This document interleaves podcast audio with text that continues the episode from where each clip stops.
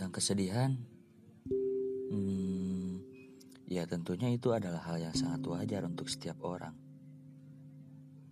Karena manusia memiliki rasa. Untuk mengekspresikan kesedihan itu, atau meluapkan segala kesedihan itu, bebas-bebas saja.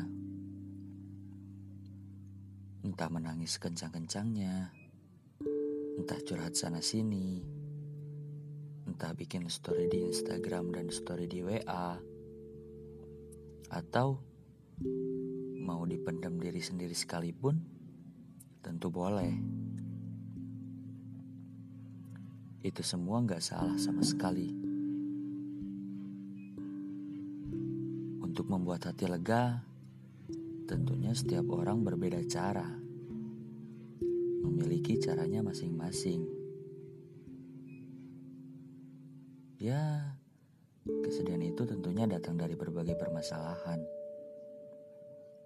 Mulai dari diputusin pacar, gebetan ditikung orang lain, di PHP-in gebetan, masalah keluarga,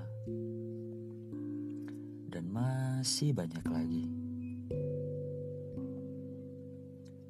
Tapi dari berbagai permasalahan itu semua, dan bagaimana kalian mengekspresikan kesedihan itu, yang terpenting harus menjadi sugesti di pikiran kalian adalah jangan sampai berlarut-larut dalam kesedihan. Ya, soalnya gak ada gunanya.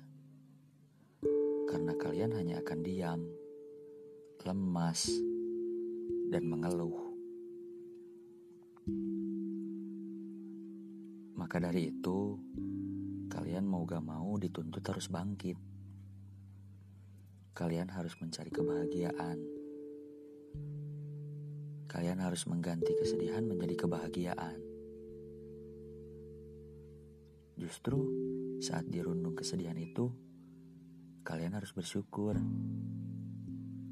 Saat kalian bisa melewatinya, kalian akan mendapat pelajaran. Akan menjadi lebih dewasa, akan menjadi seseorang yang lebih kuat.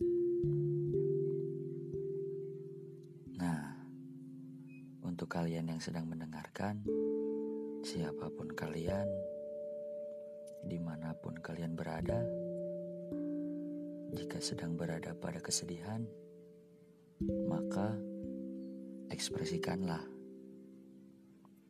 Tapi jangan berlarut-larut. Kemudian, lekas bangkitlah.